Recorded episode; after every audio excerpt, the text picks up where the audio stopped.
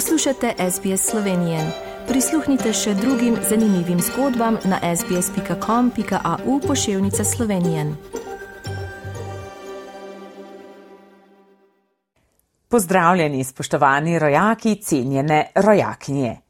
Tokrat vas pozdravljam iz povsem predvoljivno razpoložene Slovenije, kjer se za ta čas nenavadno visoko dvigajo tudi temperature zraka. Ves teden smo po jutranji megli po kotlinah uživali v prekrasnem jesenskem vremenu, polnem sonca in temperatur vse do 25 stopinj. Življenje v Sloveniji te dni utripa v predvoljivnih soočenjih, ki jih pred nedeljskimi predsedniškimi volitvami pripravljajo mediji, svoje kandidature pa so v tem tednu dali tudi kandidati za župane. Da ne bo samo politike, pa sem za vas izbrala tudi nekaj drugih dogodkov. Pa poglejmo podrobnosti. O polnoči se je v Sloveniji zaključila letošnja kampanja za prvi krok predsedniških volitev. Dosedanji predsednik republike Borut Pahor se od predsedovanja poslavlja, za sabo pa pušča precej bogato dediščino.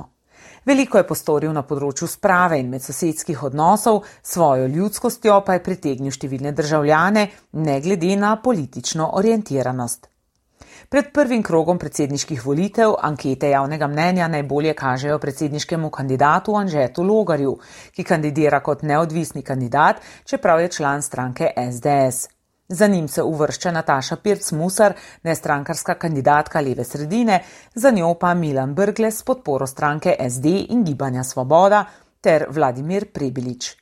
Možnosti za izvolitve po prvem krogu volitev naj ne bi imeli Miha Kordiš iz Levice, Sabina Senčar kot neodvisna kandidatka in Jane Sigler Kralj iz Nove Slovenije. Soočenja so v zadnjem času pokazala, da se nekateri pogledi kandidatov bistveno razlikujejo. Predvsem pa so na soočenjih potekale žolčne razprave okoli davkov, premoženja kandidatov, strankarske opredelitve posameznih kandidatov. Razlike so tudi v pogledih na predsedniško rezidenco, ki je slovenski predsednik nima, pa bi jo po mnenju nekaterih moral imeti. Veliko govora je bilo tudi o odgovornostih, ki jih sploh ima predsednik republike, o imenovanju toživcev in ustavnih sodnikov, varuha človekovih pravic, pomilostitvah, sodelovanju z vsemi političnimi stranmi in o funkciji predsednika za vse državljane. V soboto in nedeljo velja po vsej državi volivni mok. Volišča se bodo odprla v nedeljo po 7. uri zjutraj, zaprla pa se bodo ob 19. uri zvečer. Takoj po zaprtju volišč bomo tudi že dobili rezultate usporednega glasovanja, ki vedno precej natančno pokažejo tudi končne rezultate. V primeru, da v prvem krogu ne bomo izvolili novega predsednika oziroma predsednice, bo drugi krok volitev 13. novembra. Ob tem so začeli teči tudi roki za lokalne volitve. V četrtek se je stekel rok za odajo kandidatur za vse kandidate za župane in občinske svetnike. Liste so torej sestavljene, hkrati pa so znana tudi vsa imena županskih kandidatov.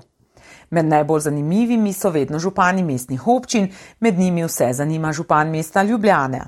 Tudi tokrat se bo za mesto župana potegoval Zoran Jankovič, ki pa mu bo nasproti stopilo šest drugih kandidatov. Prava gneča se obeta tudi v Mariboru, kjer se bo za mesto župana potegovalo še več kandidatov kot Ljubljani, ki bodo poskušali zamenjati aktualnega župana Saša Arsenoviča. Tudi po ostalih mestnih občinah kandidira po več kot kandidatov, kot je znano že sedaj, pa bo isti župan ostal v mestni občini Sloven Gradec in to je Tilen Klugler. V super volivnem letu, ki ga imamo slovenci letos, pa se nam kmalo približuje tudi referendumska nedelja. Voljivci bodo 27. novembra na referendumu odločali o zakonu o vladi, zakonu o radioteleviziji Slovenija in o zakonu o dolgotrajni oskrbi. Državni zbor je tudi v drugo potrdil spremembe družinskega zakonika. Zahtevo za vse tri referendume je v državni zbor vložila stranka SDS. Ob vsem tem je bila vse čas tudi burna razprava o izločitvi zdravnikov iz enotnega plačnega sistema. Vlada in sindikat Fides sta podpisala sporazum o posebnem stebru za plače zdravnikov, zaradi česar je na nogah vse preostali javni sektor. Da je potrebno plače zdravnikov urediti, je jasno, saj doslej ta sistem ni bil prav dobro urejen. O pomankanju zdravnikov pa je seveda morala nekaj narediti vlada, saj so zdravniki ponovno grozili stavko. Sicer se je v teh dneh ponovno dvignilo tudi število obolelih za COVID-19.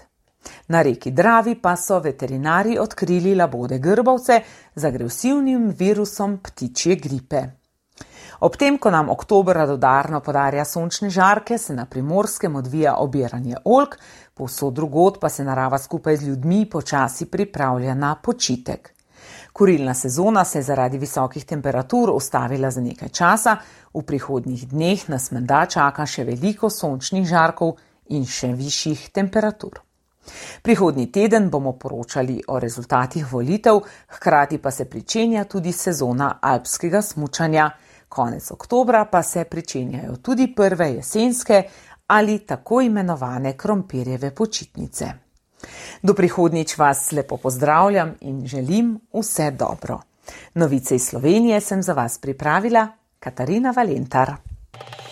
Želite slišati sorodne zgodbe? Prisluhnite jim preko Apple ali Google podcasta, preko aplikacije Spotify ali kjerkoli drugje.